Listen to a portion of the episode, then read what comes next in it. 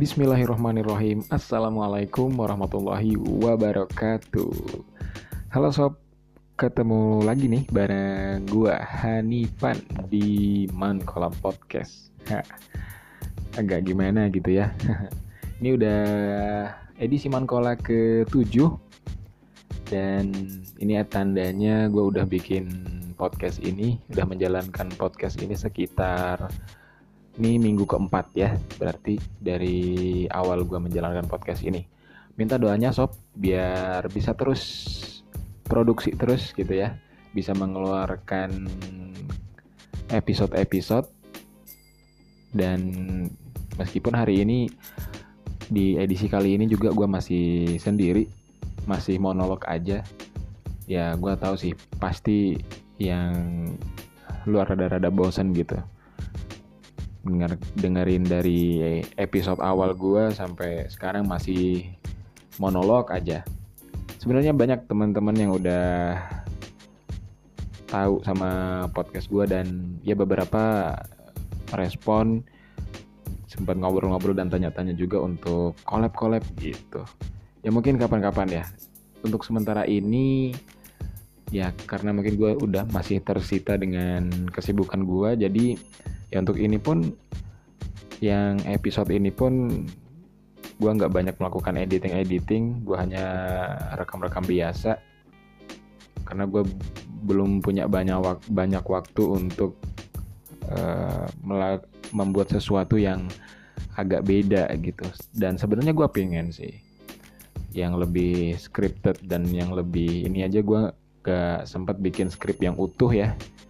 Jadi cuma pointer-pointernya aja tapi meskipun begitu yang penting gue pengen sharing informasi ini buat sobat-sobat semua.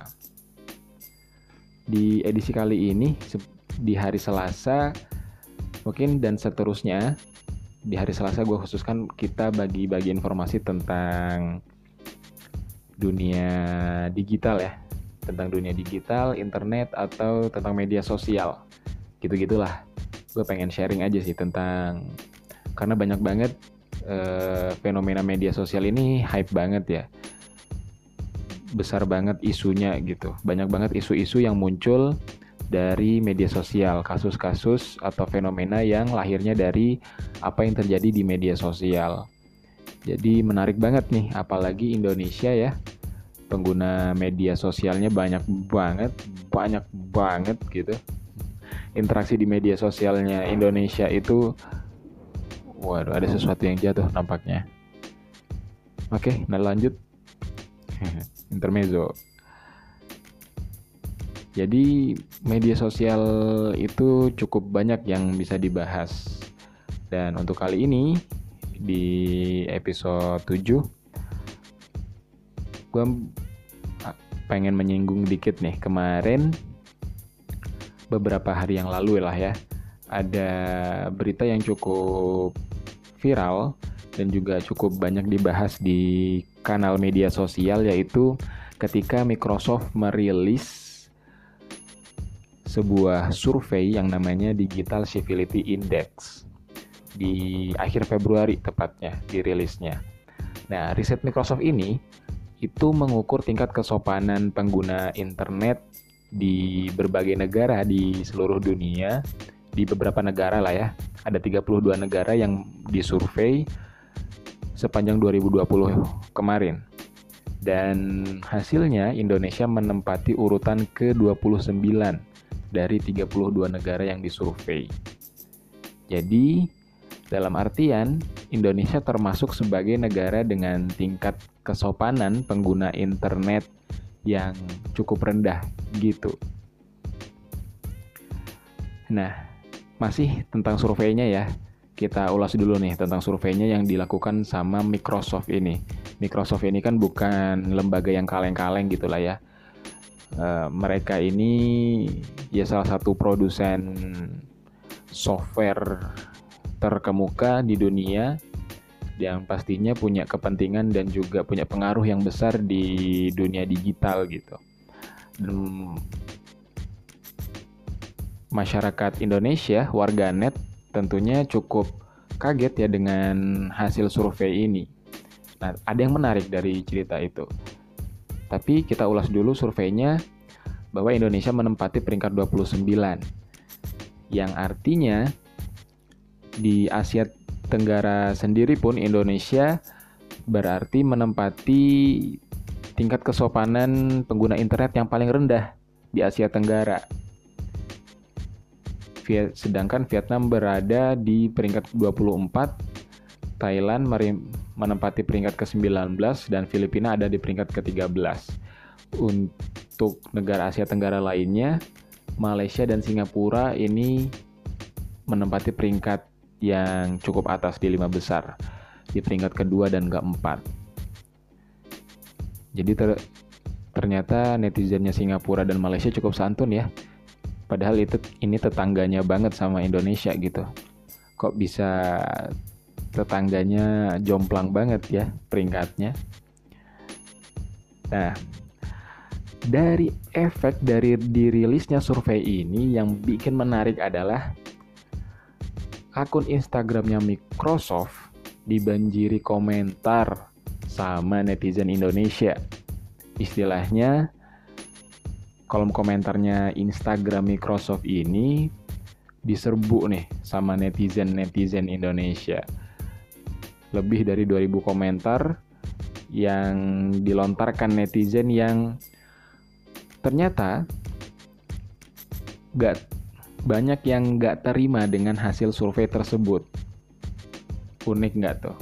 Sob, bisa dibayangin aja deh kalimat-kalimat seperti apa dan bahasa-bahasa seperti apa ketika ada se ada netizen yang nggak terima dengan suatu fakta, dengan suatu analisa atau suatu survei. Orang nggak terima tuh gimana sih? Apalagi di internet ya, eh, dan netizen Indonesia. Bisa dibayangin, bisa dipikirkan, dipikirkan sendiri kalimatnya seperti apa dan bahasa seperti apa yang keluar Nah, uniknya di situ. Microsoft mengeluarkan survei tingkat kesopanan pengguna internet dan karena itu pula Microsoft berhasil membuktikan bahwa surveinya itu benar. Mungkin kata Microsoft, gua bilang juga apa ya kan? Pantes aja tuh peringkat 29. Nah, ini sih yang bikin rada miris ya bikin kita rada mikir gitu kenapa netizen Indonesia bisa punya perilaku dan juga kebiasaan mungkin untuk menggunakan media sosial yang seperti ini yang cenderung tidak sopan Mungkin teman-teman yang aktif di media sosial dan mengikuti berbagai macam akun-akun medsos seperti berita atau apa tentang terutama berita-berita yang cukup sensitif dan juga ada beberapa yang provokatif gitu.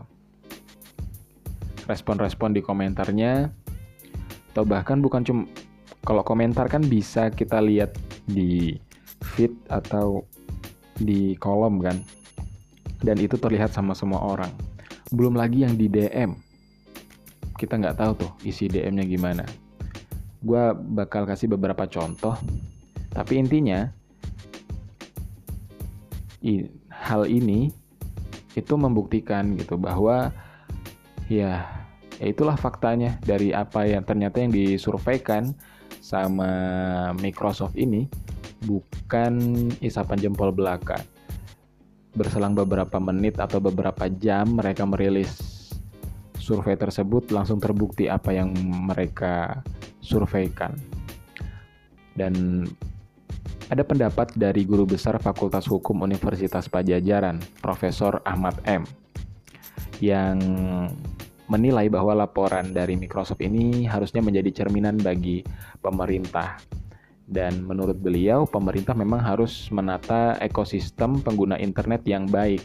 Selain selama ini yang jadi masalah tentang internet adalah in infrastrukturnya, tapi Indonesia juga masih berkutat sama informasi hoax, menurut gue itu juga jadi masalah laten dan juga masif sih di dunia internet di Indonesia negara sebesar ini dan pengguna internet sebanyak ini masih berkutat dengan berita-berita hoax. Indonesia sendiri dikenal sebagai negara dengan tarif internet termurah di dunia. Sejalan dengan kualitasnya. Iya dong. Nah, pengguna internet juga cukup tinggi dari data 2019 ada pengguna serat pengguna smartphone sebanyak 167 juta orang di Indonesia dan itu adalah 89% dari total penduduk Indonesia menggunakan smartphone. Dan rata-rata jumlah pengguna media sosial di Indonesia usianya berkisar antara dua, usia 25 tahun sampai 34 tahun di mana seharusnya di usia seperti itu sudah berada pada kematangan berpikir seharusnya. Jadi kita bisa menangkap bahwa nggak seharusnya kalimat-kalimat yang nggak sopan dan nggak pantas keluar dan dilontarkan oleh orang-orang di rentang usia tersebut. Mungkin kalau anak-anak di usia 10 sampai 17 18 tahun yang di mana mereka melakukan sesuatu atau merespon sesuatu masih dominan dengan emosinya tentunya itu masih bisa kita maklumi. Tapi dengan rata-rata usia pengguna medsos terbanyak di usia 25 sampai 34 rasanya nonsens gitu. Kalau ya ternyata Indonesia masih jadi pengguna internet yang nggak sopan termasuk yang nggak sopan yang kurang sopan lah ya. Bukan nggak sopan tingkat kesopanan yang rendah gitu lebih tepatnya.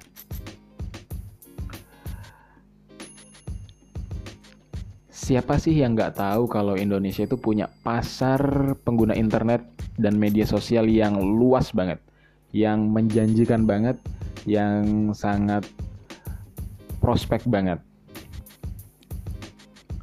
Seperti ya, akun-akun public figure internasional beberapa kali dan sering cukup sering mention Indonesia di media sosial di akunnya masing-masing tentang apa pun ya.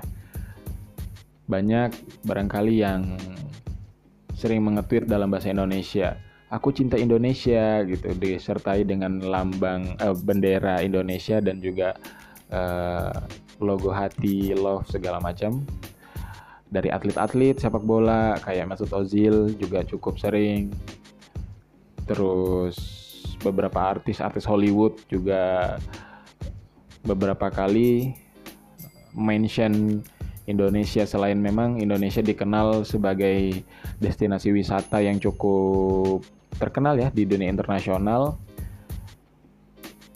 karena respon dari netizen Indonesia ketika ada public figure yang memention negaranya dalam hal apa pun itu itu mendapat respon yang cukup yang cukup cepat dan juga cukup banyak gitu.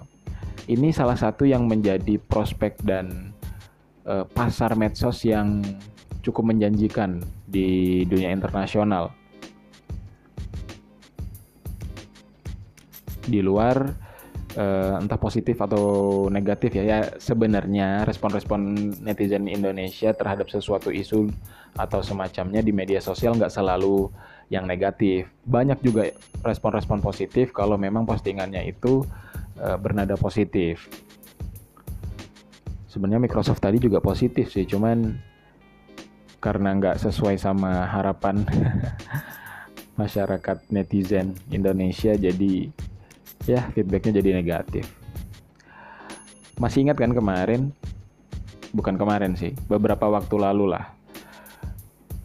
Youtuber Vicky Naki yang uh, berkenalan lah sama beberapa uh, perempuan di Ome TV dan ada satu perempuan yang menjadi highlight dan jadi sorotan netizen ketika itu dan sempat viral juga di mana-mana uh, perempuan asal Kazak Kazakhstan namanya Dayana pasti tahu deh Itu gimana? Netizen Indonesia mengikuti perkembangan mereka. Entah itu bercanda atau memang beneran ya apa yang mereka obrolkan dan jadi pembicaraan mereka di uh, selama di YouTube dan di Omen TV itu uh, banyak banget yang tersanjung, banyak banget yang menyanjung uh, Dayana bukan mungkin bukan hanya karena kecantikannya aja tapi bagaimana dia bisa uh, berkomunikasi dengan Vicky Naki sebagai orang Indonesia dan dia juga beberapa kali menyebutkan bahwa uh, ketika kenalan sama Vicky Naki banyak netizen Indonesia yang memfollow dia dan memberikan pesan-pesan yang menurut dia ya cukup lucu dan menyenangkan. But in the end of the day seiring perjalannya waktu dan pada akhirnya uh, ada sesuatu yang terjadi. Ada sesuatu yang di luar harapan oleh netizen-netizen Indonesia warganet ya. Ada terjadi ada terjadi cekcok antara keduanya dan itu membuat warganet Indonesia menyerang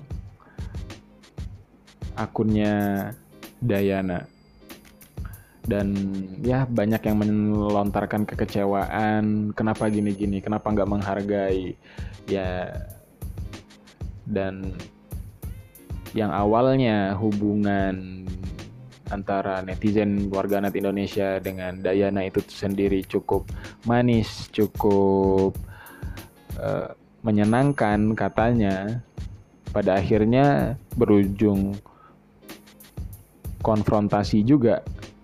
Maksudnya ya e, berujung pertentangan juga. Dan pastinya banyak bahasa-bahasa yang kurang pantas dan bisa dibilang menyakitkan kata-kata dari warganet yang dilontarkan kepada Dayana gitu. Mungkin ini salah satu jadi indikator ya. Salah satu bukti juga bagaimana begitu cepatnya uh, netizen kita warga net Indonesia merespon sesuatu yang barangkali mereka hanya tahu belum tahu apa yang terjadi di balik itu semua, apa yang terjadi di balik media sosial, di balik YouTube, di balik konten-konten dari public figure atau semacamnya. Ketika ada sesuatu yang nggak sesuai dengan harapan, mereka merespon dengan begitu sporadis. Sebenarnya kan untuk kasus seperti Vicky Naki dan Dayana kita juga belum tahu apakah memang betul betul-betul seperti itu realitanya apa yang mereka bicarakan di YouTube atau di Ome TV itu cuma untuk keperluan konten atau cuma settingan kita kan belum tahu. Namun ketika uh, ada yang tidak sesuai harapan, nggak sesuai harapan, akhirnya warganet marah dan seolah-olah harus apa yang terjadi itu apa yang terjadi itu harus sesuai dengan harapan mereka. Ini yang cukup aneh. Menurut gua ini juga ada pengaruhnya dengan uh, bagaimana Indonesia sebagai negara yang sebenarnya kurang literasi juga. Dan menurut gue ini bakal jadi isu yang penting sih di Indonesia tentang literasi media ini literasi digital ini. Di mana Indonesia dengan masyarakat yang cukup banyak seperti ini dan pengguna internet yang cukup luas pengaruhnya juga cukup besar dan menarik perhatian buat kalangan internasional harusnya sih masyarakat Indonesia khususnya yang menggunakan medsos atau internet dibekali dengan pengetahuan yang cukup dan literasi yang baik. Yang selama ini gue rasa masih belum uh, terpenuhi gimana liter literasi itu dikampanyekan dan dimasifkan buat masyarakat kita. Karena ya kita tahu sendiri ada juga pernah ada riset yang bertajuk World's Most Literate Nation Rank yang meranking minat baca masyarakat di berbagai negara. Ada 61 negara yang disurvei dan Indonesia berada di urutan 60 dari 61 negara itu. Sebelum terakhir minat baca yang terendah. Gua rasa ini juga ada pengaruhnya dengan bagaimana masyarakat Indonesia khususnya warganet yang berselancar di media sosial merespon suatu topik, suatu berita dan suatu isu di media sosial karena minat baca ini seharusnya menjadi kebiasaan verifikasi. Ketika seseorang yang punya minat baca tinggi dan suka membaca, pasti dia punya kemampuan dan daya verifikasi yang tinggi. Jadi, ketika mendapatkan suatu isu, berita, atau apa pun itu di media sosial, nggak langsung merespon dengan spontan, atau dengan emosi, tapi lebih untuk memverifikasi dulu, melihat dulu, atau dalam bahasa Islamnya itu tabayun ya. Bener nggak nih beritanya? Apa bener kayak gini emang realitanya? Kenapa nih bisa terjadi? Yang itu sebenarnya gue nggak melihat cerminan verifikasi itu di perilaku warganet di media sosial. So, kita bisa lakukan apa yang bisa kita lakukan sob. Gua rasa literasi digital ini jadi isu yang penting dan harus banget kita perhatikan. Bukan cuma tanggung jawab pemerintah, tapi tanggung jawab kita juga semampu kita. Kita edukasi orang-orang terdekat kita dulu deh, nggak usah jauh-jauh, nggak usah langsung banyak. Keluarga kita, teman-teman dekat kita yang mungkin masih punya perilaku bermedia sosial yang seperti di survei sama Microsoft tadi ya kita bisa bantu mereka untuk bisa bers bermedia sosial dengan lebih baik. So, semoga bermanfaat. Ini udah hujan ya di tempat gua nih. Nggak tahu nih suaranya kedengaran apa nggak hujannya. Gitu aja ya. Wassalamualaikum warahmatullahi wabarakatuh.